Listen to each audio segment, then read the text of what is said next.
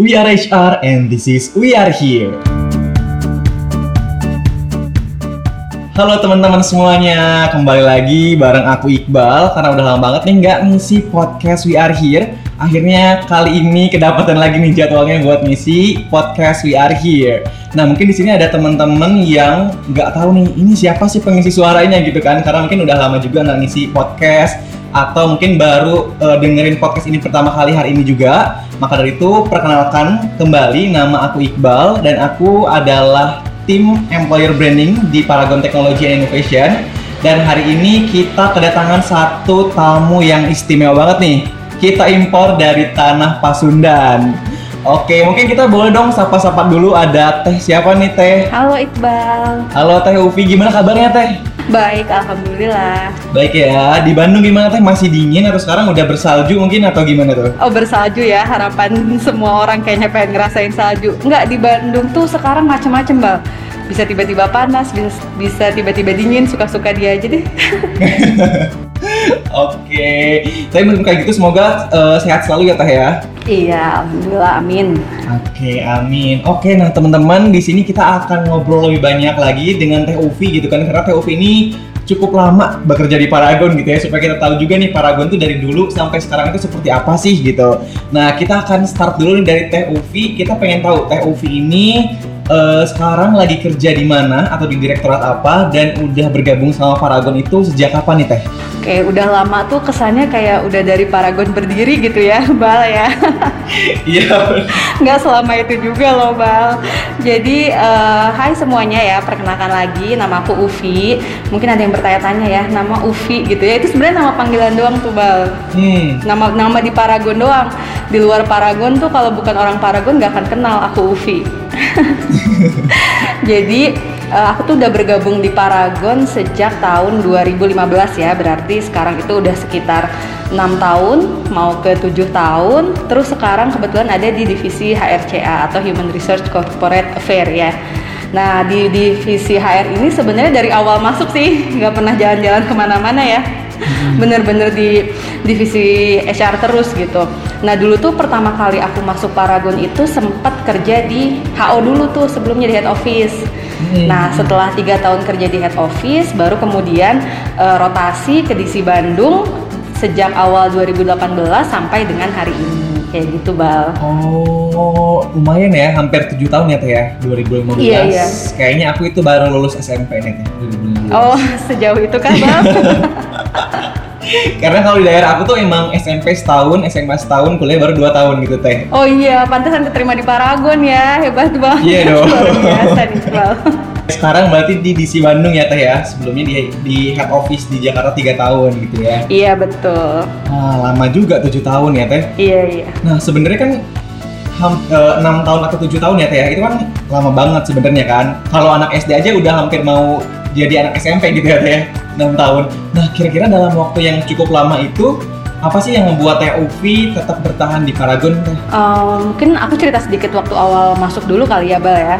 Jadi waktu awalnya masuk ke Paragon itu 2015 ya biasalah kalau job seeker kan cari-cari perusahaan kadang tuh masih suka ikut-ikutan ya kadang-kadang gitu. Nah cuman Paragon itu menariknya tiap aku datang ke job fair tuh bootnya suka gede tuh Bal. Kan kalau kita pas suka lihat ya kayak oh ini bootnya gede kayak perusahaannya gede gitu kan awalnya dari kayak gitu. Terus nyoba masuk ke Paragon, alhamdulillah masuk dan ternyata oh lingkungan di sini pun nyaman loh di sini gitu. Makanya kenapa bisa bertahan alhamdulillah sampai hari ini gitu. Jadi lingkungan kerja di sini tuh pertama menyenangkannya karena banyak yang seumuran. Ya Bal ya. Kita seumuran kan sebenarnya ya. Iya sebenarnya seumuran. banyak seumuran ya, banyak yang seumuran gitu. Jadi tuh eh, kita tuh kerja berasa cuma pindah kampus aja gitu loh, Bal. Nah, terus kalau di Paragon tuh lingkungan kerjanya tuh bener-bener positif gitu. Kita bener-bener ngerasain orang-orang yang nggak ada tuh yang namanya eh, sikut-sikutan gitu di dunia kerja. Terus nggak ada yang saling eh, ngegeng atau gimana gitu. Yang negatif nggak ada sih. Eh, aku ngerasainnya bener-bener nyaman gitu kerja di sini sama orang-orang eh, di lingkungan kerjanya gitu. Nah terus alhamdulillah juga kan pekerjaannya memang sesuai ya sama jurusan aku gitu. Aku dulu dari jurusan psikologi, kemudian diterimanya juga di HR kan jadinya eh, masih lain lah ya sama jurusan gitu. Terus yang paling bikin betah banget sih ya sebenarnya kalau dibilang tuh karena Paragon tuh bener-bener uh, perusahaan yang menurut aku tuh family friendly gitu. Kan aku di Paragon dari sejak masih single lah ya. Sampai akhirnya menikah sampai akhirnya udah punya dua anak. Nah ketahuan kan tuanya ya. Nah di situ tuh aku ngerasa kayak antara waktu aku kerja sebagai uh, single gitu ya sampai sekarang punya anak ya udah gitu. Nggak jadi yang ngerasa kebebanin atau gimana bener-bener tetap nyaman aja gitu kerja di sini itu karena banyak apa ya nggak terlalu strict gitu. Kalau misalkan memang kita ada kebutuhan terkait sama keluarga atau apa pun itu tuh nggak dipersulit gitu. Makanya kenapa antara kerja dan keluarga tetap bisa balance ya kenapa harus pilih salah satu gitu ya ya udah akhirnya tetap betah di kerja di sini gitu. Wih, berarti tadi itu kayak lingkungan kerjanya gitu tanya terutama berarti ya lebih ke lingkungan kerja sih di Paragon. Mm -mm, terutama lingkungan kerja, mm -mm, betul banget bal. Berarti dulu kan Teh Ufi emang udah tahu Paragon dari dulu ya Teh? Dari sejak melamar yeah. kerjaan di job fair gitu ya? Mm -mm. Oke, 2015 aja udah gede banget ya Teh ya uh, boothnya ya? Iya, dari 2000, kayaknya 2015 itu malah yang uh, mulai awal-awal apa ya sering banget datang ke jover-jover deh kayaknya Paragon tuh hits banget lah gitu di kalangan job seeker. Oke, ini bisa di, ngasih insight juga gitu ya buat mungkin di sini ada teman-teman yang udah nikah, udah punya satu anak, jangan takut kalau misalkan mau join ke Paragon ya teh ya, karena so family friendly itu kan kalau di Paragon itu ya teh ya. Iya bener banget bal, pokoknya nggak usah khawatir lah kalau udah kerja di sini mah uh, urusan rumah sama urusan kerja bisa diatur lah. Eh mantap tuh, bisa dengerin ya dari yang mulai si, uh, sejak single sampai sekarang udah punya dua anak tuh masih bisa loh uh, menyeimbangkan antara urusan rumah tangga dengan pekerjaan. Ini keren banget kan buat temen-temen nih oke okay, nah uh, 6 tahun itu bukan waktu yang bentar juga ya Teh sebenarnya. Nah pasti kan ada hal-hal yang berubah gitu kan sedikit atau banyak. Nah ada nggak sih hal yang merubah pandangan hidup Teteh saat bergabung dengan Paragon gitu Sebenarnya banyak banget sih ya Bal uh, pandangan hidup yang akhirnya berubah gitu karena kan ya itu dia waktu 6 tahun atau 7 tahun bukan waktu yang sebentar gitu ya. Nah apalagi menurut aku di Paragon ini tuh banyak banget orang-orang hebat yang aku temuin yang akhirnya aku tukar pikiran, saling sharing gitu ya. Nah, tapi dari semuanya itu yang paling ngena banget sama aku tuh uh, terkait sama value kerendahan hati. Jadi kan perusahaan pasti punya value kan ya. Nah, salah satu value di Paragon itu kan kerendahan hati. Nah, itu tuh bener-bener aku rasain banget dari mulai ownernya, ya Bal. Jadi tuh dulu tuh bukan dulu sih kayaknya sering deh ya Ibu Nur Hayati Subakat gitu ya pemilik dari perusahaan ini tuh sering banget bilang bahwa perusahaan ini tuh didirikan untuk memberikan manfaat bagi orang banyak gitu. Jadi uh, beliau bilang bahwa ya hidup ini tuh bukan hanya tentang memiliki apa yang kita mau gitu. Jadi kerja itu bukan cuma tentang memperkaya diri kita sendiri gitu kan. Kalau dulu mungkin masih zaman-zaman lulus kuliah mikirin, oke okay, pengen cepat-cepat kerja, kerja biar apa sih ya biar bisa beli ini itu ini itu gitu yang kita sebelumnya nggak bisa beli gitu ya. Nah tapi ternyata setelah masuk Paragon ya kerja tuh lebih dari itu loh gitu bukan sekedar untuk uh, mendapatkan apa yang kita mau aja tapi gimana pekerjaan kita itu bisa ngasih manfaat buat orang-orang di sekitar kita gitu. Kalau misalkan kayak sekarang nih aku kerja ya tentu aku kerja buat anak buat keluarga gitu ya bukan cuma buat diri aku sendiri. Terus uh, apalagi kalau di khususnya di departemen HR ya bang kan kalau di HR itu masuknya berarti di support departemen ya. Nah support departemen ini kan berarti banyak membantu orang-orang di departemen lain uh, untuk melaksanakan pekerjaannya juga gitu. Mulai dari misalkan kita ngadain rekrutmen nih ya. Terus kalau misalkan kita ngadain rekrutmen kan kita membantu orang untuk akhirnya yang awalnya nggak punya kerjaan langsung keterima kerja gitu ya bisa punya pekerjaan. Terus nanti begitu mereka masuk ke Paragon juga kita bantu supaya gimana caranya supaya mereka bisa berkembang gitu bisa jadi lebih dari awal mereka masuk di sini gitu. Nah di situ sih yang aku rasain banget di mana kita itu bekerja bener-bener manfaatnya itu untuk lingkungan sekitar kita gitu. Tapi kita juga harus tetap rendah hati gitu.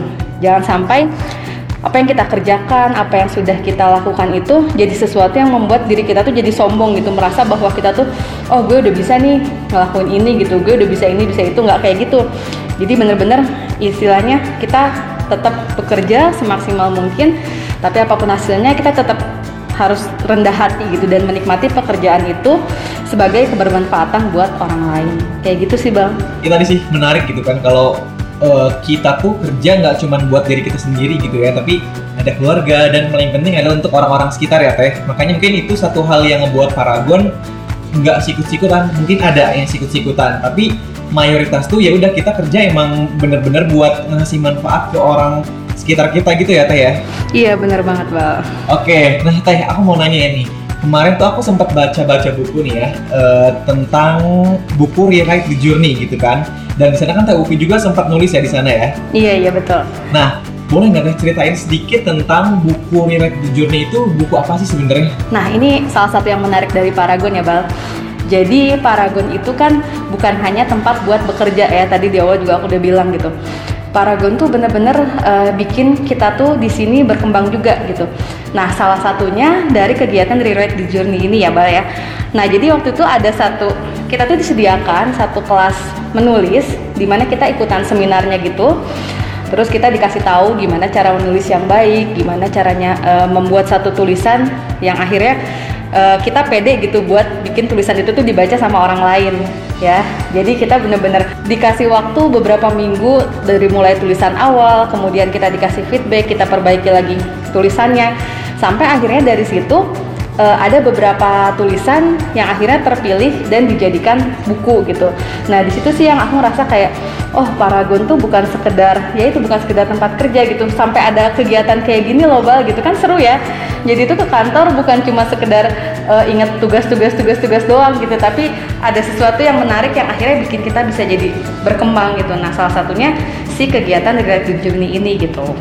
Jadi bukan buku yang ditulis sama eh, BOD BOD kita gitu kan, tapi emang semua Paragonian punya hak yang sama buat nulis di buku itu ya Teh ya tentang pengalaman mereka bekerja di Paragon gitu ya. Mm-mm, bener banget. Jadi tuh oh ya yang menarik juga ya Bal. Tadi kan Iqbal juga sempat ngingetin ya jadi kita kan eh, nulis tuh bener-bener ngikutin kelasnya bareng sama BOD-nya juga Bal. Jadi BOD kita tuh bener-bener ikut seminarnya juga, ikut nulis, tulisannya pun ikut di feedback. Jadi kita kayak teman kuliah tapi lagi ngerjain project bareng gitu.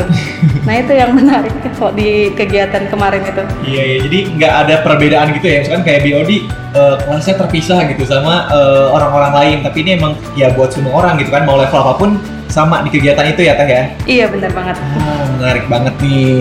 Nah, aku tuh baca tulisan Teh Ufi di buku itu kan tentang kalau Paragon itu seorang manusia, mungkin aku udah jatuh cinta gitu ya Teh. Nah, kok bisa Teh kepikiran judul itu gitu Teh dari ant- di antara seribu judul lainnya, kenapa memilih judul yang itu gitu Teh? Eh, kenapa ya sebenarnya? sebenarnya waktu itu tuh kan kita dikasih challenge nih ya buat bikin tulisan gitu. Awalnya tulisannya bebas, boleh tentang apa aja gitu. Heeh. Terus eh, sampai ke ujungnya kita mengerucut di mana kita diminta untuk tulis eh, sesuatu tentang Paragon gitu. Walaupun misalkan aku di departemen HR gitu, kan kalau misalkan aku nulisin, oh HR adalah lalala, ya ngapain juga mungkin orang-orang juga udah tahu kan.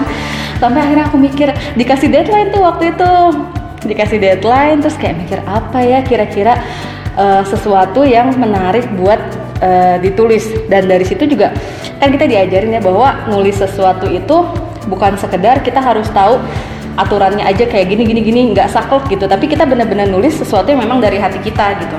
Nah dari situ tuh aku jadi kepikiran eh udah lama di Paragon tuh sebenarnya apa sih yang aku rasain? gitu. Sampai akhirnya muncullah si tulisan yang judulnya itu ya. Kesannya kan kalau jatuh cinta tuh eh, identik dengan menemukan jodoh ya bang nah Hmm. kalau misalkan kita nih eh, kalau orang cari kerja tuh biasanya kan sering ada yang eh, menyamakan jodoh itu eh maksudnya menyamakan pekerjaan itu adalah jodoh gitu kan.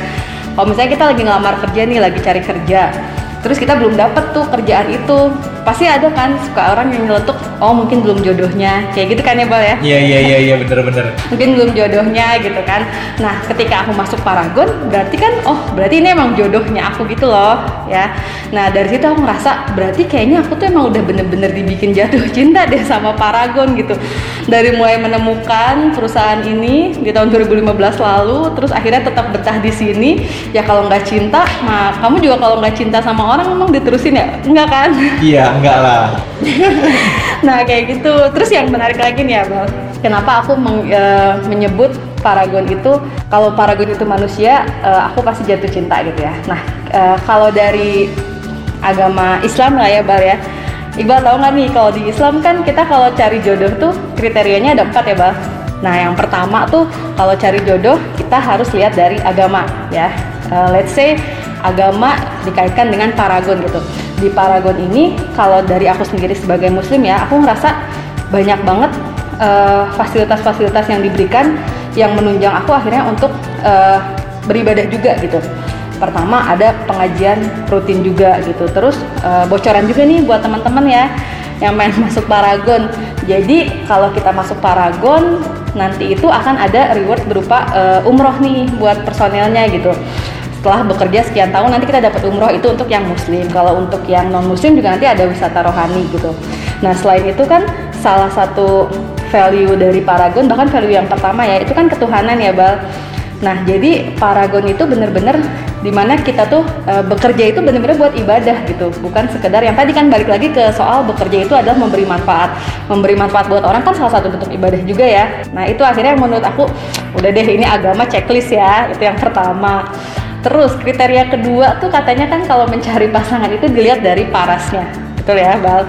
Nah, kalau kita kita kalau misalkan ketemu orang nih ya, terus kita ngelihat oh itu parasnya menarik. Biasanya ujung-ujungnya buat apa sih? Bangga kan kalau dibawa ke mana-mana ya bang jadinya kan kayak gitu ya.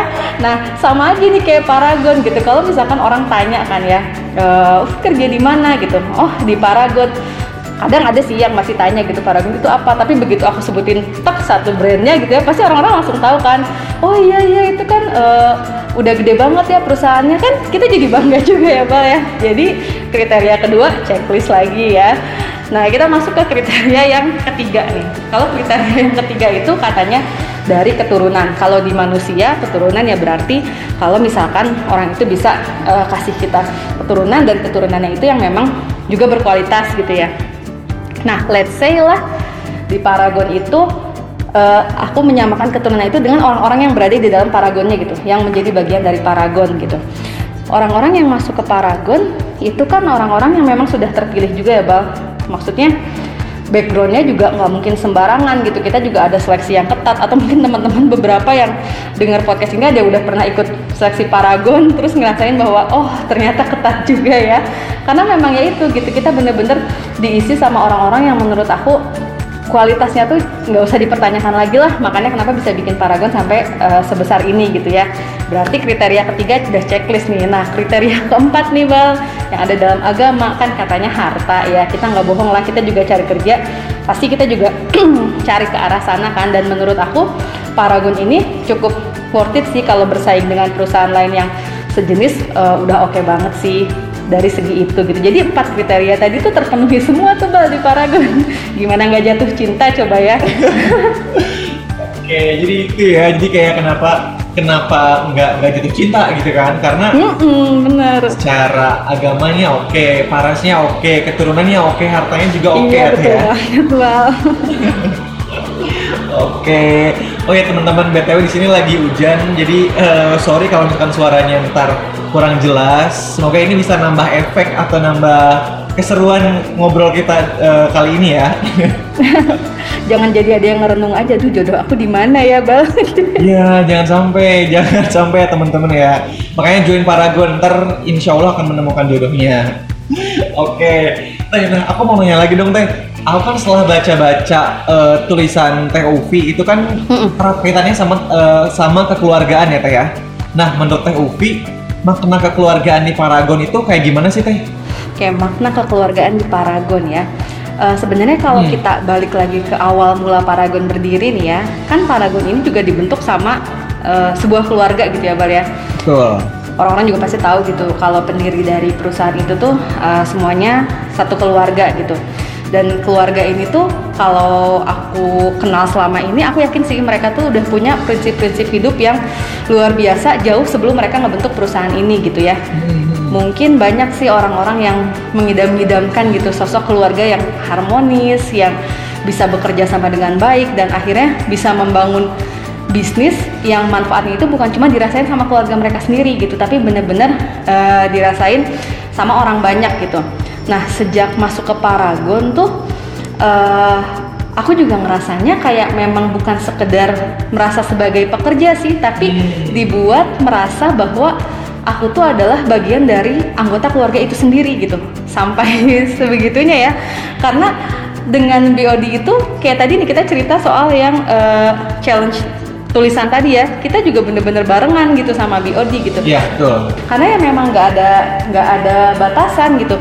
Tapi nggak ada batasan bukan berarti bikin kita juga bisa seenaknya gitu ya. Kan yang namanya kita kok anggaplah itu orang tua atau keluarga ya kita pasti ada lah tahu sopan santunnya ya. Tapi di luar itu iya betul. uh, emang hubungannya tuh bisa sedekat itu gitu. Jadi nggak ngerasa kayak oh dia atasan saya nih saya harus tunduk apa gimana? Nggak kayak gitu gitu. Bener-bener ngerasa dibikin uh, kayak keluarga gitu. Jadi di sini tuh uh, aku tuh belajar bahwa keluarga itu bukan hanya seseorang yang memiliki ikatan darah gitu. Tapi keluarga itu bisa terbentuk dari orang-orang yang memiliki kesamaan visi dan misi gitu. Jadi ibaratnya ketemu paragon itu kayak ketemu keluarga baru gitu bang rasanya tuh gitu. Makanya kenapa uh, kekeluargaan itu yang paling bener-bener aku rasain di sini sih bang kayak gitu. Hmm, bener bener bener setuju banget sih teh. Part yang kekeluargaan itu nggak cuman untuk orang-orang yang memiliki ikatan darah, tapi juga untuk orang-orang yang kesamaan visi dan misi. Itu kerasa banget sih kayak iya. kalau kita ngelihat satu paragonian dengan paragon yang lain tuh kayak langsung klik aja gitu ketika ketemu gitu kan atau ngobrol tuh kok tiba-tiba udah deket padahal kita baru ketemu saat itu juga gitu ya teh ya. Bener banget. Uh, emang ada visi dan misi yang sama sebenarnya di antara kita. Makanya tadi benar banget kata Ufi uh, serasa nemu keluarga baru kalau di Paragon tuh. Iya betul banget. Oke, nah teh namanya percintaan gitu ya di dunia uh, aslinya pun gitu kan pasti ada naik turunnya gitu ya teh ya. Ada ujiannya gitu kan. Apalagi lagi susah-susah itu pasti berat banget tuh ujian gitu. Nah sekarang ini di masa pandemi ibaratnya kan kita dan perusahaan sedang diuji nih teh Nah, gimana sih perasaan Teteh ketika melihat Paragon menghadapi masa pandemik seperti ini gitu Teh? Hmm, di masa pandemi ini tentunya banyak ya Bal yang berubah gitu dari segi pekerjaan, terus juga ya nggak dipungkiri lah ya pasti uh, kurang lebih ini juga ngaruh ke perusahaan ya Bal. Nah, awalnya juga sempat sih ada kekhawatiran gitu kan, ya apalagi kita lihat berita di mana-mana uh, karena pandemik banyak orang kehilangan pekerjaan gitu. Karena pandemik banyak juga usaha-usaha orang yang akhirnya ditutup gitu ya.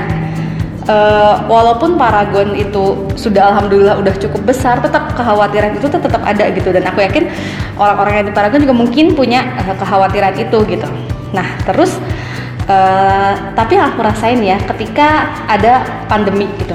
Nah di bayangan aku sendiri ya bal ketika itu pandemi pasti kan mikirnya wah ini pasti omset ya kena lah ya perusahaan nggak mungkin juga nggak kena gitu. Banyak orang-orang uh, yang di akhirnya kerjanya juga WFH terus orang-orang nggak datang ke tempat-tempat rame. Kan kita jualan kosmetik ya bang kosmetik biasanya dipakai orang kalau keluar rumah. Dan sekarang orang-orang kampanyenya di rumah aja gitu. Kan kebayang ya itu pasti ngaruh banget dan di bayangan aku tuh wah ini kita harus kerja lebih keras nih. Gimana caranya naikin omset? Gimana cara naikin omset? Gitu ya. Biasa malah mikirnya awalnya mikir ke sana gitu. Tapi uh, waktu itu tuh pernah tuh uh, kita tuh lagi ada semacam morning briefing lah ya bal. Kalau di uh, kantor kan kita suka ada morning briefing tuh pagi-pagi gitu. Nah kebetulan kita kedatangan salah satu uh, direksi kita nih dari pusat gitu. Yeah, nah, dia cerita nih di masa pandemi ini tuh dia bilang kalau masa pandemi ini adalah masa di mana kita tuh harus bekerja lebih keras ya. Sampai kalimat itu di otak aku masih omset tuh bal ya. Mikirnya kayak oke okay, omset gitu kan ya. Tapi ternyata kalimat selanjutnya adalah kenapa kita harus bekerja lebih keras? Karena lebih banyak orang yang harus kita bantu. Di situ baru mikir oh iya juga ya gitu. Jadi di saat aku tadi melih, uh, mikir oh orang-orang tuh banyak yang kehilangan pekerjaan orang-orang gini. Terus aku malah mikir aduh gimana kalau kayak gitu? Kayak gitu kan mikirnya malah ke mana-mana ya. Padahal di mata perusahaan kenapa kita harus bekerja lebih keras? Karena supaya bis kita bisa bantu lebih banyak orang gitu. Kita bisa lebih kasih manfaat. Nah. dan di saat awal-awal pandemi mungkin beberapa teman-teman di sini juga tahu beritanya ya. Paragon itu sempat uh, kasih sumbangan ke rumah sakit buat ngebantu uh, tenaga medis uh, menghadapi si pandemi COVID-19 ini ya Bal ya. Iya benar. Jadi tuh dari situ tuh ternyata dari sejak itu itu tuh banyak banget kegiatan CSR CSR yang sebelumnya nggak pernah kita lakuin di bidang ini gitu. Maksudnya pernah sih kita kita banyak CSR cuman ini kan sesuatu hal yang baru ya pandemi itu. Jadi menambah uh, kegiatan-kegiatan CSR lainnya gitu. Jadi pandemi tapi justru kegiatan CSR malah makin banyak loh sekarang gitu. Nah terus uh, itu dari segi kita memberikan manfaat uh, di, di luar perusahaan ya nah di lingkungan perusahaannya sendiri Mungkin uh, aku juga sedikit cerita ya Bal soal pekerjaan sebagai HR di DC gitu. Kan HR di DC juga ya pasti megang uh, operasional ya, maksudnya megang-megang uh, personalia juga dan segala macam gitu. Nah, sejak ada pandemi, perusahaan tuh bener-bener peduli loh sama kesehatan kita di DC gitu ketika awal-awal ada anjuran pemerintah untuk uh, stay at home gitu ya kalau bisa WFH ya kita menyesuaikan juga gitu kita dikasih arahan dari pusat bahwa hmm. ini loh skema bekerja kita kita perlu ada WFH demi uh, menjaga teman-teman di DC juga supaya terhindar gitu ya dari si virus ini gitu. Kita menyesuaikan. Terus ketika pun akhirnya nih kita kan sempet ya uh, awal-awal tahun atau akhir tahun kemarin ya kita yang menuju new normal itu ya bang. Itu juga kan kita uh, menyesuaikan gitu oh ini udah mulai yeah. new normal nih kita bisa mulai masuk kerja kayak biasa tapi dengan uh, kebiasaan-kebiasaan baru gitu hal ter apa ya maksudnya hal tersederhana gitu yang dilakukan oleh perusahaan adalah ngasih kita fasilitas kayak masker, vitamin. Hmm. Di mana tuh yang waktu itu aku sempat mikir gini, ya ampun masker emang udah wajib kan sama pemerintah. Ya nggak dikasih perusahaan juga bisa lah kita beli sendiri gitu ya itu di pikiran aku waktu itu. Tapi perusahaan nggak nggak nggak apa ya nggak ngebiarin kita keluar rumah di masa pandemi tanpa uh, persiapan apa pun gitu. Jadi bener-bener memang uh, kita juga sebagai HR gitu yang mengawal gimana caranya supaya teman-teman di DC ini bisa dapat fasilitas yang akhirnya bisa ngejaga teman-teman juga gitu. Supaya oke okay, memang kita ada target untuk uh, menjaga omset kita tetap uh, stabil atau naik tapi di satu sisi kesehatan juga jadi satu hal yang harus kita perhatikan gitu. Makanya kenapa HR ini jadi pengawal di DC buat memastikan bahwa uh, kesehatan teman-teman di DC itu terjaga gitu. Terus kalau misalkan nih memang ada uh, salah satu personal kita misalkan yang terkena uh, virusnya itu juga kita nggak dibiarin gitu aja gitu. Kita bener-bener kasih bantuan buat mereka kita support mereka gitu dengan alat-alat kesehatan atau bahkan mungkin obat-obatan dan segala macam itu benar-benar kita support gitu.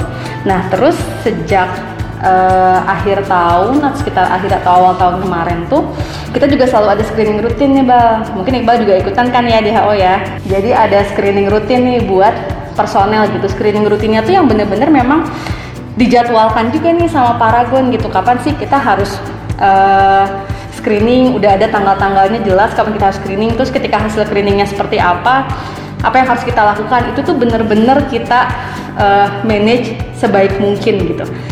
Ya kebayang gak sih? Maksudnya di saat mungkin perusahaan juga lagi kena apa ya mungkin lagi ketar petir gitu kan mikirin aduh ini offset gimana? Tapi di hal itu juga tetap nggak dilupakan gitu. Ibaratnya nih ya bah kalau tadi aku menyamakan lagi Paragon sebagai manusia gitu kamu punya pasangan nih pasangan kamu juga lagi ketar ketir nih mikirin masalah dia. Tapi dia nggak lupa loh sama kamu gitu. Dia tetap peduli dia tetap cari cara gimana caranya walaupun aku punya masalah tapi orang yang bareng sama aku pun tetap bisa aku jaga tetap bisa aku peduliin gitu. Nah itu sih menurut aku yang bener-bener makin bikin oh amazed banget ya sama perusahaan ini gitu. Di saat mungkin perusahaan lain mikir wah ini gimana ya uh, caranya supaya uh, offsetnya tetap jalan tetap naik. Tapi uh, masalah protokol kesehatan atau apa juga mungkin tidak terlalu difikirkan entah gimana ya. Tapi tuh aku sering banget loh bang. Mungkin aku cerita juga sedikit ya. Aku tuh sering banget ketemu sama uh, di lingkungan keluarga sendiri aja atau mungkin di lingkungan rumah gitu ya memang uh, mungkin beberapa orang nggak terlalu strict ya sama jaga protokol kesehatan ini gitu.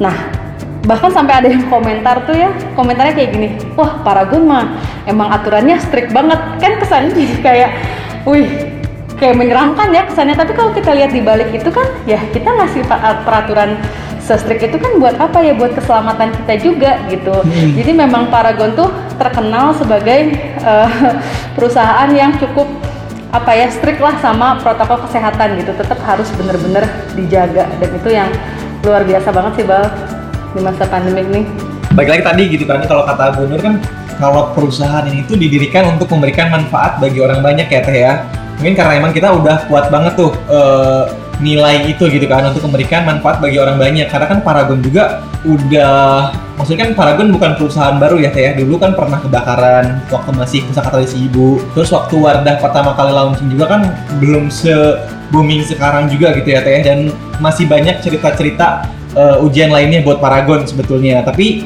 balik lagi sih karena memang Paragon itu didirikan untuk memberikan manfaat bagi orang banyak sekalipun lagi masa pandemi sekarang gitu kan Paragon eh, tetap peduli gitu sama orang-orang sekitarnya. Karena apalagi masa pandemi tadi kata Teh kan banyak orang yang kehilangan pekerjaannya gitu ya Teh jadi ya kita harus eh, kerja keras lebih lagi supaya kita bisa memberikan bantuan dan manfaat kepada orang yang lebih banyak lagi gitu ya Teh ya. Nah itu siapa coba yang nggak jatuh cinta sama orang yang kayak gitu kalau misalkan ada orangnya. Iya bener banget. Teh Iqbal lagi cari-cari nih, udah ketemu belum orang yang kayak Paragon? Ya mungkin ada nih di antara para pendengar lainnya boleh nanti ya komen di Grow at Paragon. yang merasa sudah memenuhi kriteria sebagai jodoh yang baik ya Bal ya? Iya betul. nah ini menarik banget ya teman-teman. Tadi kita udah dengerin dari TOV gitu kan tentang kekeluargaan di Paragon, tentang Paragon eh, ketika masa pandemi itu seperti apa. Oh iya teh, bahkan kan Paragon pun ketika masa pandemik itu kan nggak ada karyawan yang di apa yang di PHK juga kan ya teh ya karena Nah iya bener-bener. Eh, itu kayak salah satu hal yang bikin amazed banget sih gitu kan bener-bener kita ya jangan sampai nge-PHK orang gitu kan kalau eh, ya gimana ya? Kasihan juga gitu mereka yang ntar eh, nyari-nyari apa nyari-nyari kebutuhan untuk keluarganya kayak gimana untuk dirinya sendiri juga kayak gimana gitu. Jadi balik lagi sih karena emang kita didirikan untuk memberikan manfaat bagi orang banyak ya sebisa mungkin kita ngasih manfaat buat orang-orang lain buat karyawan juga gitu Mm-mm. Bal, sekalian promosi nih Bal. oh boleh boleh teh gimana tuh Kita tuh bukan, kita nggak PHK ya, bahkan kita rekrutmen Bal. Sekarang kita buka rekrutmen terus loh. bener bener Buat cek eh, rekrutmennya di Growet Paragon ya Bal. Sekalian promosi. Iya benar, benar. Dan juga nanti ada iklan di terakhir ya kita ada iklan juga.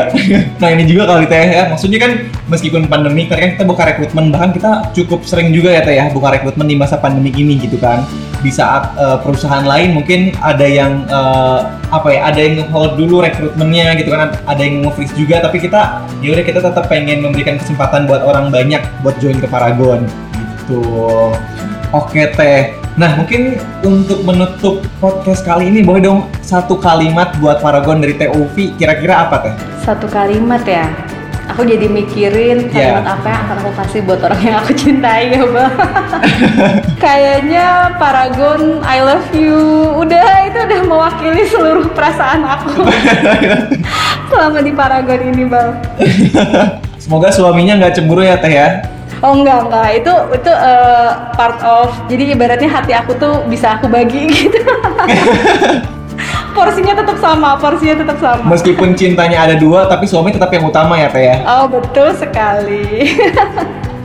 Oke teman-teman, tadi itu kita udah dengerin ya eh, sesi sharing-sharing bareng Teh Ufi. Kalau misalnya ada teman-teman yang pengen banget nih join ke Paragon setelah dengerin cerita dari Teh Ufi, pengen ngerasain langsung tentang kekeluargaannya kayak gimana, terus kayak Paragon itu ngasih manfaat ke orang lain kayak gimana, atau pengen terlibat lebih banyak lagi di Paragon, boleh banget kita lagi buka juga nih rekrutmen di Paragon One Stop Hiring atau POSH di bulan ini eh, dibuka sampai tanggal 27 Juni 2021. Jadi saat ini teman-teman lagi dengerin itu udah dibuka dan akan ditutup tanggal 27 Juni 2021. Untuk eh, posisi lengkapnya teman-teman bisa buka di career.paragon-innovation.com. Di sana teman-teman bisa langsung cari eh, bagian kalender, nanti lihat di event bulan Juni. Di sana nanti akan ada Paragon One Stop Hiring Juni 2021. Kayak gitu ya teman-teman ya. Kalau ada pertanyaan nanti boleh disampaikan di Instagram Grow at Paragon.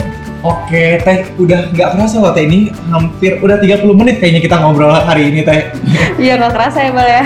Iya seru banget, banyak insight. Apalagi aku kan anak yang apa ya mungkin dibandingkan Teh Ufi eh, cukup apa ya masih masih cukup dini kali ya Teh ya.